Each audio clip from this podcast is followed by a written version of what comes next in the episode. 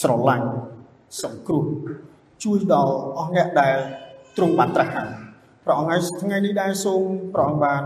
គង់ជាមួយទូបង្គំខណៈពេលដែលទូបង្គំអឺនិយាយ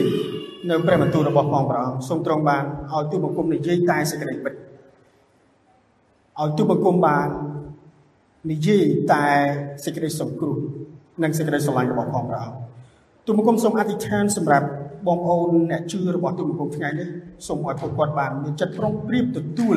នៅព្រះបន្ទូលរបស់ផងទ្រង់ក៏ដូចជាអ្នកដែលមិនទាន់បានជឿសូមរងបានតែគង់ជាមួយគាត់ផងដែរហើយបំភ្លឺគាត់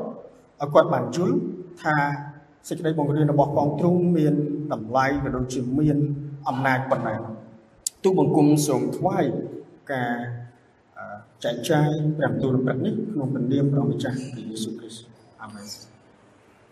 បាទយើងនៅតែបន្តសិក្សាជាមួយគ្នានៅព្រះគម្ពីរពេត្រុសខ្សែទី1ចំពុក2បាទយើងបានបញ្ចប់ចំពុក1ហើយដែលចំពុក1យើងបានចប់កាលពីពី3សប្តាហ៍មុនហើយនៅក្នុងពេត្រុសនេះដែរខ្ញុំសូមបញ្ជាក់បន្តិចសម្បត្តិ របស់សាវកពេត្រុសហាក់បីដូចជាខ្លីតែគាត់ចង់សរសេរដើម្បីក្រើនរំលឹកដល់ពួកអ្នកជឿពួកអ្នកដើរតាមគ្រិស្តបរិស័ទគ្រីស្ទៀនបាទព្រះអ្នកជឿដល់ព្រះយេស៊ូវអំពីគោលលទ្ធិក៏ដូចជាជីវិតហើយនឹងពន្ធកិច្ចក៏ដូចជាកិច្ចការកតបកិច្ចគ្រិស្តបរិស័ទដែលត្រូវធ្វើហើយយើងឃើញថានៅក្នុងនោះដែរគាត់ក៏បាននិយាយនៅក្នុងចំពុក ពីរនេះដែរគាត់បាននិយាយអំពីសេចក្តីត្រូវការនៃភាពបរិសុទ្ធក៏ដូចជាផ្ទះខាងឯវិញ្ញាណបាទមាន3ចំណុចទី1សេចក្តីត្រូវការនៃភាពបរិសុទ្ធទី2ផ្ទះខាងឯវិញ្ញាណទី3រិះជ្រើសតាំងដែលព្រះអង្គបានជ្រើសតាំងបាទសូមបានតាមដានជាមួយខ្ញុំខ្ញុំនឹងអានជូននៅខចំពុក2ខ1ដល់ខខ10បាទ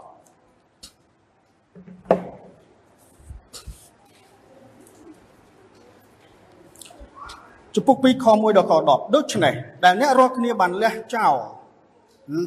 លះបង់ចោលអស់ទាំងសេចក្តីគំរោះនិងកិច្ចកលទាំងប៉ុន្មានព្រមទាំងពុតមេយាចិត្តច្រណែនហើយពាក្យនិយាយដើមគេទាំងអស់ចេញនោះត្រូវឲ្យសង្វាតរកទឹកដោះខាងឯប្រលឹងវិញ្ញាណវិញ ដូចជាទីរក់ដែលទៅនឹងកើត ដើម្បីឲ្យអ្នករាល់គ្នាបានចម្រើនធំឡើងដល់រាបដល់បានសង្គ្រោះគឺបើអ្នករាល់គ្នាបានភ្លុះឲ្យដឹងថាព្រះអម្ចាស់ទ្រង់ល្អមែនឯអ្នករាល់គ្នា ដែលកំពុងតែមកឲ្យទ្រង់ដ៏ជាថ្មរស់ដែលមនុស្សបានលះបង់ចោលចេញតែព្រះបានជ្រើសរើស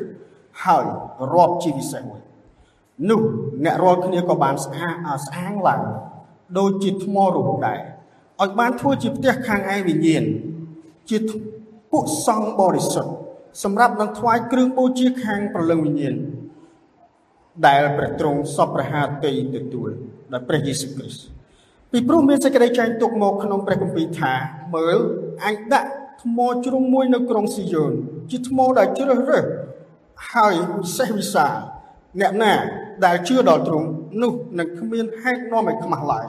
ដូច្នេះដែលទ្រង់វិសេសនោះ គឺវិសេសដល់អ្នករាល់គ្នាដែលជឿតែពួកអ្នកមិនជឿវិញនោះថ្មដែលពួកជាងសង់ផ្ទះបានចោលចេញបានត្រឡប់ជាថ្មជ្រុងយ៉ាងឯងជាថ្មជាថ្មចំពុកហើយជាថ្មដែលដែលនាំឲ្យរវិតចិត្តគេជំពប់នឹងព្រះបន្ទូលដោយព្រោះតែមិនជឿហើយគេក៏ត្រូវតម្រូវទុកសម្រាប់ការនោះឯង តែអ្នករាល់គ្នាជាពូជជ្រើសរើសជាពួកសង្ឃលួង ជាសះបរិសុទ្ធជារាជដ៏ជាអគ្គអកនៃព្រះ ដើម្បីឲ្យអ្នករាល់គ្នាបានសម្ដែងចេញឲ្យឃើញអស់ទាំងលក្ខណៈរបស់ព្រះ ដែលទ្រង់បានហៅអ្នករាល់គ្នាចេញពីសេចក្តីងឹតមកក្នុងពន្លឺអស្ចារ្យរបស់ទ្រង់ពីដើមអ្នករាល់គ្នាមិនមែនជាសាសនាមួយទេតែឥឡូវនេះជាសាសរបស់ព្រះវិញពីព្រោះអពីដើម មិនបានទទួលសេចក្តីមេត្តាករណាទេ តែឥឡូវនេះបានទទួលហើយសវៈពលបានសរសេរសវៈពលបានសរសេរពណ៌នាអំពីអារម្មណ៍និងចិត្តរបស់គាត់អំពីអឺភាពដែលគាត់រំភើបចំពោះអ្នកដែលជឿព្រះចំពោះអ្នកដែលបរិសុទ្ធចំពោះដែលអ្នកដែលដើរតាមផងព្រះយេស៊ូវគាត់បានសរសេរទៅ ក្រានរំលឹកអ្នកដើរតាមព្រះអង្គចំនួន5ខេត្តនៅក្នុងទីក្រុងរ៉ូមឬក៏ម្យ៉ាងទៀតយើងបាទមានអ្នកសរសេរខ្លះអ្នកនិពន្ធខ្លះគាត់បានប្រាប់ថានៅទីក្រុងបាប៊ីឡូនគាត់បានសរសេរពីពរនីអំពីចិត្តគាត់ថាវ៉ាវពួកគេបានលះសេចក្តីចោលក្នុងខទី1នេះឃើញថាយើងឃើញថាមាន5ចំណុចលះសេចក្តីទី1 សេចក្តីគំរោះទី2កិច្ចកលទី3ពុតមីយាតទី4ចិត្តច្រណែនចុងក្រោយគឺការនិយាយដើមគេសេចក្តីទាំងអស់នោះហើយដែលអ្នកដើរតាមផងព្រះយេស៊ូវបានលះចោលដោយព្រោះតែពួកគេស្គាល់អំពីទំហំនៃសេចក្តីពិតក៏ដូចជា ពួកគេបានធំធាត់ឡើង ដោយព្រះបន្ទូលធំធាត់ឡើងដោយទឹកដោះសូមឲ្យលោកបងប្អូនបានមើលខ2នោះត្រូវឲ្យសង្វាតរកទឹកដោះសុទ្ធខាងឯព្រលឹងវិញ្ញាណវិញដូចជាទីរក់ដែលទៅនឹងកើតដើម្បីឲ្យអ្នករាល់គ្នាបានចម្រើនធំឡើងដល់រាបដល់បានសង្គ្រោះកូនរបស់ខ្ញុំ Caleb គាត់បានព្យាយាមសង្វាតខាងឯទឹកដោះដោយសារតែគាត់ចង់ធំធាត់ចម្រើនឡើងនេះគឺជាធម្មជាតិរបស់ក្មេង សវៈពេត្រុសបាន មានអារម្មណ៍ថារំភើបសប្បាយចិត្តមែនទេនៅពេលដែលពួកបរិសុទ្ធនៅប្រមាណខេត្តនោះ បានលះបង់ចោលនៅសេចក្តីទាំង5សេចក្តីអាក្រក់ទាំង5តាមរយៈការសង្វាតទឹកដោះខាងផ្នែកពលឹងវិញ្ញាណមានន័យថាព្រះបន្ទូលព្រះអង្គបើសិនជាពួកគេមិនបានលះចោលពួកគេប្រៀបដូចជាទីរក់ដែលមិនបានស្រេកឃ្លាននៅទឹកដោះ ខាងឯព្រលឹងវិញ្ញាណអញ្ចឹងដែរនៅពេលដែលយើងធំធាត់ចម្រើនឡើងដោយព្រះបន្ទូលព្រះអង្គឬក៏ទឹកដោះខាងផ្នែកព្រលឹងវិញ្ញាណនេះយើងនេះយើងនឹងលែងមាននៅសេចក្តីអាក្រក់ទាំងទាំងទាំង4ទាំង5នោះហើយអញ្ចឹងសូមឲ្យយើងបានធំធាត់ឡើងជាមួយនឹងទឹកដោះខាងឯព្រលឹងវិញ្ញាណខាងឯព្រះបន្ទូលព្រះសូមឲ្យយើងបានបាទថ្នាក់សាន់ ថ្នាក់ថ្ងៃអាទិត្យនេះបាននិយាយអំពីភាពរីកចម្រើនតកតងផ្នែកព្រលឹងវិញ្ញាណខ្លួនឯងក៏ដូចជាពួកជំនុំដែរចឹងថ្ងៃនេះវាស្តៀងគ្នាវាដូចគ្នាវាមិនខុសគ្នាប្រហែលក្នុងការដែលពេត្រុសគាត់បានសរសេរទៅថ្លែងពីចិត្តពីពរនីអំពីចំណាប់អារម្មណ៍និងភាពសប្បាយរបស់គាត់សូមបានមើលខ3បន្តទៀត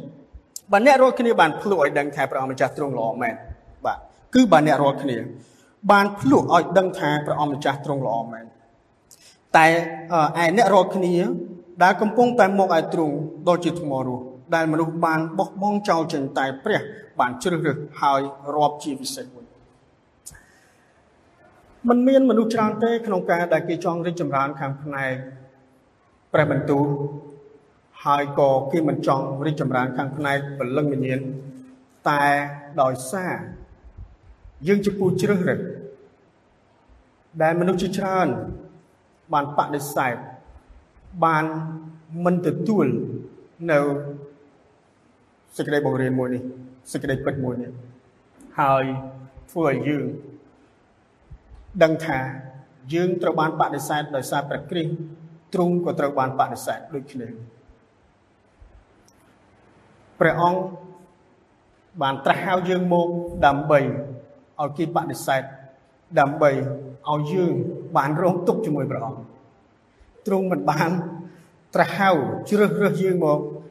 ដើម្បីជាទីគប់ចិត្តដល់ពួកដែលអ្នកដែលមិនជឿនោះឡើយដូចជាព្រះអង្គត្រូវបានគេបដិសេធកន្លែងនេះបើទោះជាគេបានបដិសេធយ៉ាងណា តែ ព្រះដ៏ជាព្រះវរបិតាទ្រង់បានជ្រើសរើសហើយក្នុងនេះមិនមិនត្រឹមតែជ្រើសរើសធម្មតាទេប្រើពាក្យពិសេសបាទប្រើពាក្យពិសេសទៀត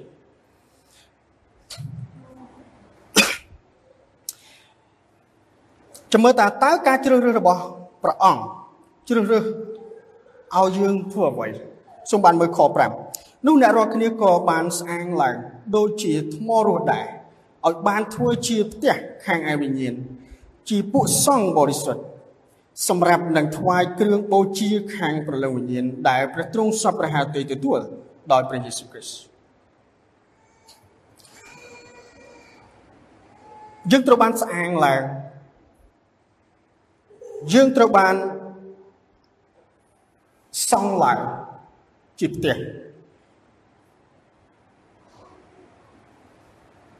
ប៉ុន្តែសំណង់របស់យើង គឺជាថ្មរស់គ្រឹះរបស់យើង គឺជាថ្មរស់យើងនឹងត្រូវបានដួលបើសិនជាយើងអត់មាននៅអត់មានអ្នកនៅពីក្រោយអត់មានគ្រឹះដ៏មាំដូចជាសេចក្តីបង្រៀនព្រឹកមិញថ្នាក់ Sunday School បាននិយាយថាព្រះអង្គជាដើមយើងជាជាជាថ្នែងយើងត្រូវអោបជាប់ជាមួយនឹងដើមដែលមានសុខភាពល្អ បើសិនជាយើងដាច់នោះយើងមិនអាចឈរមាំនៅក្នុងគ្រឹះថ្មរស់នៅក្នុងដើមដែលមានសុខភាពល្អនេះឡើយនៅខនឹងដដែល ពាក្យចុងក្រោយបាននិយាយប្រាប់ថា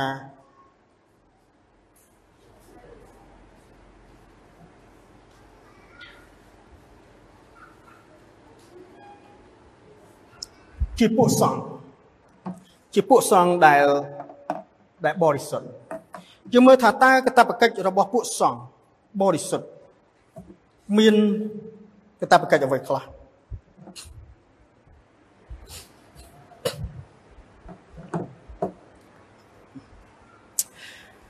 កតបកិច្ចពួកសង្ឃទី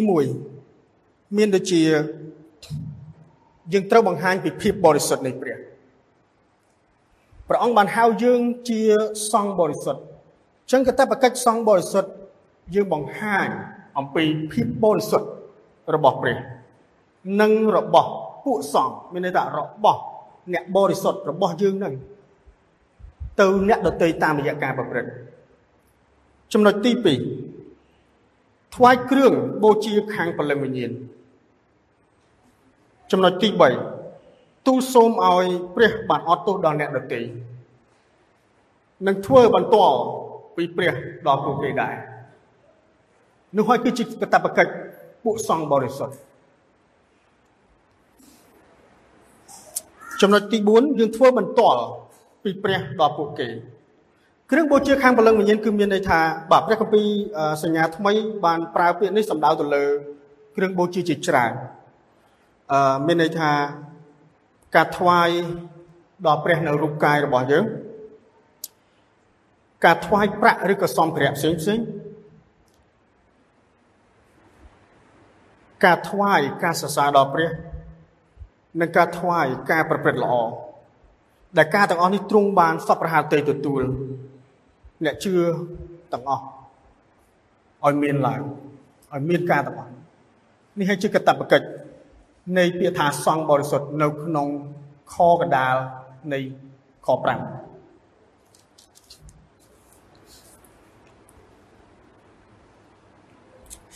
សូមបានបន្តនៅក្នុងខ6ពីព្រោះមានសេចក្តីចែងទុកមកថាមកក្នុងគម្ពីរថាមើលអញជាថ្មជ្រុងមួយនៅក្រុងស៊ីយ៉ូនជាថ្មដែលជ្រើសរើសហើយវិសេសវិសាលអ្នកណាដែលជឿដល់ទ្រង់នោះនឹងគ្មានហេតុ នាំឲ្យខ្មាស់ឡើយនៅព្រះវិហារអាមេរិកមួយបាននិយាយថា យើងមិនត្រូវខ្មាស់នឹងដំណឹងល្អមានន័យថាម៉េចយើងមិនខ្មាស់នឹងសេចក្តីបរិសុទ្ធដោយសារយើងមានសេចក្តីពិតនិងសេចក្តីបរិសុទ្ធក្នុងខ្លួនតើសេចក្តីបរិសុទ្ធរបស់យើងបានពីណាដោយសារការដាក់ជំនឿទាំងស្រុងទៅលើជឿទៅលើទូអង្គព្រះយេស៊ូវ ចឹង we we are not ashamed of the gospel យើងអត់បានមានសេចក្តីខ្មាស់ជាមួយនឹងដំណឹងល្អទៀតឡើយដោយសារមានការបន្ទាបខ្លួនហើយទទួលតួអង្គបរិសុទ្ធមកដាក់ក្នុងខ្លួនរបស់យើងយើងមិនមានសេចក្តីខ្មាស់ដូចជាលោកីដែលគេកំពុងតែធ្វើហើយគេអត់ទទួលសេចក្តីពិតសេចក្តីបរិសុទ្ធរបស់ព្រះអង្គនោះទេ នេះហើយគឺជាអត្ថន័យនៃខ6នេះ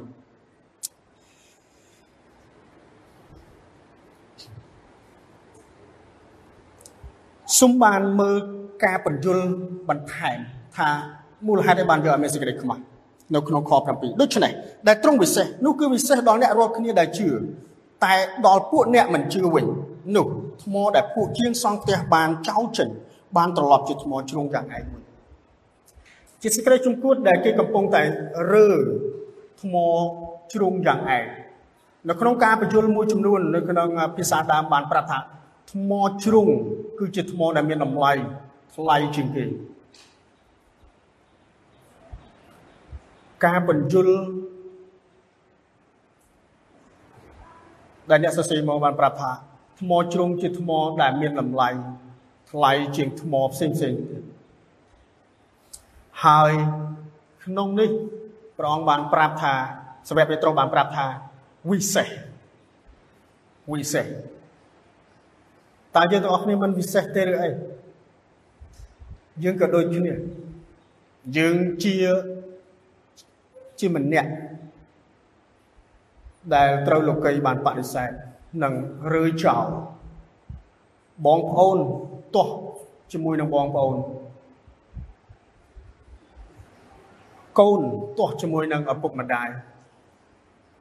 កូនមានបញ្ហាជាមួយនឹងឪពុកម្ដាយដោយសារតែថ្មជ្រុងយ៉ាងឯងថ្មជ្រុងយ៉ាងវិសេស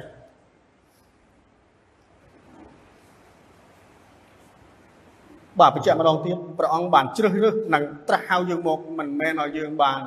មានសេចក្តីល្អខាងផ្នែកណាមួយព្រះអង្គបានត្រាស់ហៅនិងជ្រើសរើសយើងមក ដើម្បីឲ្យយើងបានរងទុក្ខដើម្បីឲ្យយើងបានទទួលការបៀតបៀនដូចជាថ្មជ្រុងដែលពួកជាងសង់រើចោលដែរ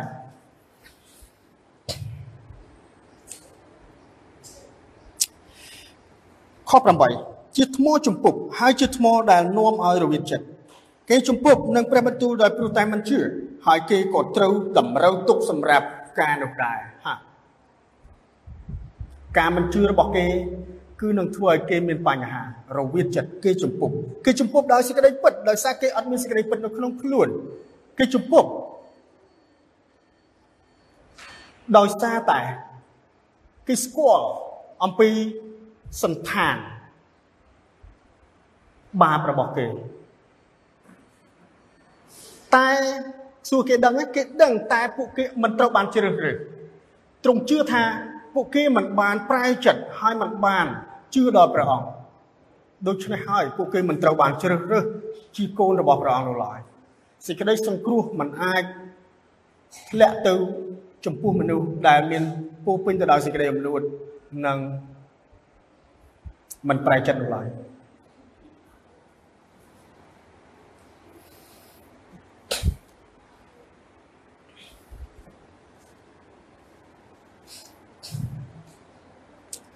ទ្រង់បានតម្រូវទុកគេសម្រាប់ការនោះការចំពោះទ្រង់បានតម្រូវទុកពួកគេមិនមែនជារិះជ្រើសរើសនោះឡើយ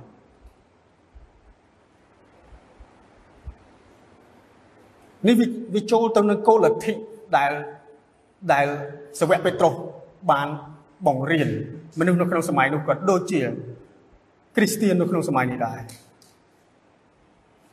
ជាគោលលទ្ធិនៃការជ្រើសរើស តែក៏មានបញ្ហាមួយចំនួនសម្រាប់ពួក reform ដែរពួកនឹងឲ្យឈ្មោះថាពួក Calvinist ដែរ Hyper Calvinist ជាពួកដែលគិតថាទុកឲ្យព្រះធ្វើទៅ It's none of your business វាមិនមែនជាមុខរបស់អ្នកទេអង្គុយស្រួលទៅ sit down kids អង្គុយចុះទុកឲ្យព្រះធ្វើការទៅ តែសំណួរសួរថាគេជឿព្រះគម្ពីរល្អទេល្អគេមិនបានចេញទៅប្រកាសប្រាប់ពីសេចក្តីសង្គ្រោះពីព្រះអង្គសង្គ្រោះតែគេគិតថាព្រះអង្គមានផែនការរួចហើយមិនបាច់ធ្វើទេអង្គុយទៅអានោះវាវាជ្រុលជ្រុលនិយមគេអាចនិយាយថាជ្រុលនិយមអញ្ចឹងកន្លែងនេះយើងបានឃើញអំពីគោលលទ្ធិដែលសាវកពលគាត់ចង់អដែល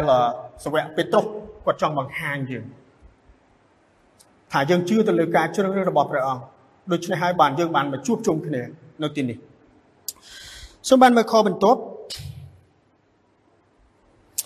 ខ9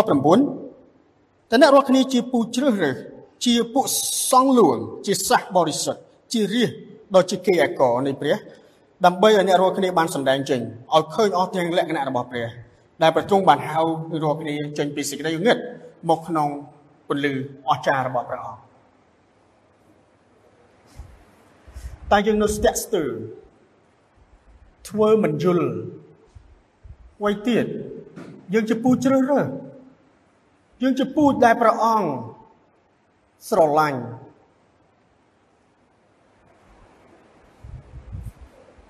ពេលខ្លះខ្ញុំមានអារម្មណ៍ថាវ៉ាព្រះអង្គអយុធធម៌ម្ល៉េះមិនបានជ្រើសរើសតែទូបង្គំមិនព្រមជ្រើសរើស បងប្អូនទូបង្គំផងទូបង្គំក៏ស្រឡាញ់ពួកគាត់ដែរតែនៅពេលដែលខ្ញុំផ្សាយដំណឹងល្អទៅពួកគាត់គាត់បានបដិសេធ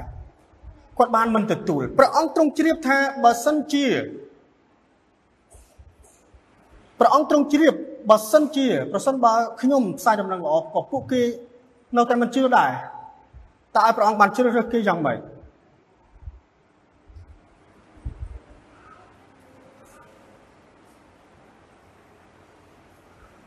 ខ្ញុំជឿថាសេចក្តីសង្គ្រោះតាមរយៈការជ្រើសរើសរបស់ព្រះអង្គមិនមែនសាសនាផ្សេងផ្សេងត្រូវបានសង្គ្រោះនោះទេសេចក្តីសង្គ្រោះរបស់ព្រះអង្គនោះទេព្រះអង្គមិនបានជ្រើសរើសសាសនាផ្សេងផ្សេងទៀតទេ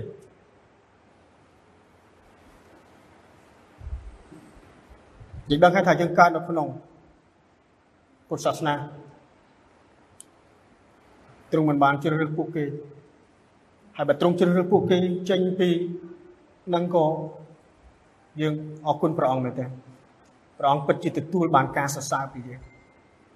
នៅពេលដែលយើងឃើញទ្រង់បានជ្រើសរើសបងប្អូនយើងឪពុកម្ដាយរបស់យើង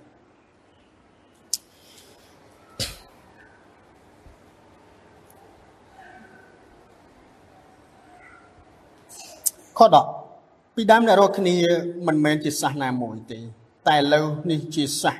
របស់ព្រះវិញពីដើមមិនបានទទួលសេចក្តីមេត្តាករុណាទេ តែឥឡូវនេះបានទទួលហើយនៅក្នុងព្រះគម្ពីរផ្សេងបានប្រាប់ថាយើងជាសាសឋានសួគ៌ដែលទ្រង់បានជ្រើសរើសយើងចូលមកក្នុងសាសមួយនេះ មិនមែនជាសាសរបស់សាសនាផ្សេងផ្សេងទៀតហើយក៏មិនមែនជាសាសយើងដឹងថានៅលើពិភពលោកមានជនជាតិសាសច្រើនតែទ្រង់មិនបានហៅសាសទាំងអស់នោះមកចូលក្នុងសាសរបស់ព្រះអង្គនោះឡើយត្បិតមានមនុស្សជាច្រើនបានលឺតែមានមនុស្សតិចណាស់ដែលគេបានយល់សេចក្តីពិតរបស់ព្រះអង្គ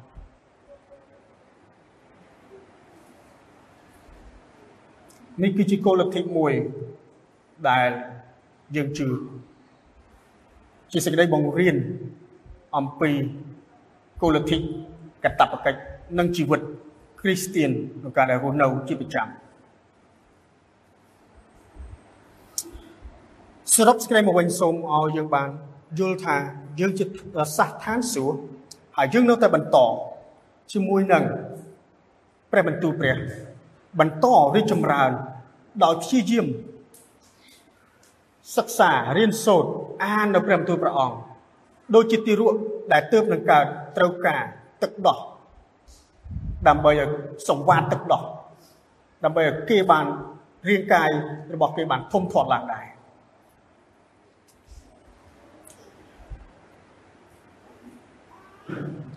សូមឲ្យយើងបានយល់ថាយើងជាពូជ្រើសរើស ហើយយើងនឹងបន្តរីកចម្រើនជាមួយគ្នា នៅក្នុងគោលលទ្ធិមួយនេះនៅក្នុងជំនឿមួយនេះនៅក្នុងកតបកិច្ចដែលយើងកំពុងតែធ្វើនេះហើយយើងនឹងលែងមានសេចក្តីខ្មាស់ដោយសារដំណឹងល្អនេះដោយសារជំនឿមួយនេះជំនឿជឿទៅលើតួអង្គព្រះយេស៊ូវ បាទបញ្ជាក់បាទសូមសម្រុបចិត្តអធិដ្ឋានបញ្ចប់ជាមួយខ្ញុំព្រះយេស៊ូវថ្ងៃនេះទូបង្គំអរគុណទ្រង់សម្រាប់រយៈពេលខ្លីតែមានន័យសម្រាប់ជីវិតខាងផ្នែកពលឹងញារបស់ទូបង្គំឲ្យទូបង្គំបានរៀនអំពីការរីកចម្រើន ការលះចោលភាពជាក្មេង ដែលមានសេចក្តីពុតមយាភាពជាក្មេងដែលមានសេចក្តីពុតត្បុតភាពមយាភាព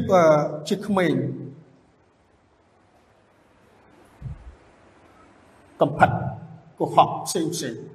តែទូបង្គំបានព្យាយាមលេបព្យាយាមអឺទទួលទឹកដោះផ្នែកឯប្រលឹងវិញ្ញាណរបស់ព្រះអង្គជាព្រះបន្ទូលរបស់ព្រះអង្គ ប្រយោជន៍ឲ្យទូបង្គំបានលះកាត់ចិត្តចោលគ្រប់ទាំងសេចក្តីអាក្រក់ទាំង5យ៉ាងខាងលើនោះហើយទូបង្គំបានធំធាត់ពីមួយថ្ងៃទៅមួយថ្ងៃប្រយោជន៍ឲ្យទូបង្គំបានមានសន្តានដូចជាតួអង្គព្រះយេស៊ូវលះកាត់ប្រែចិត្តពិតប្រាកដហើយទូបង្គំបានស្រឡាញ់បងប្អូនទូបង្គំហើយជួយគ្នាទៅវិញទៅមកឲ្យទូបង្គំបានរីកចម្រើនទាំងអស់គ្នាក្នុង ជំនឿមួយនេះផងដែរទូបង្គំសូមអធិដ្ឋានអឺ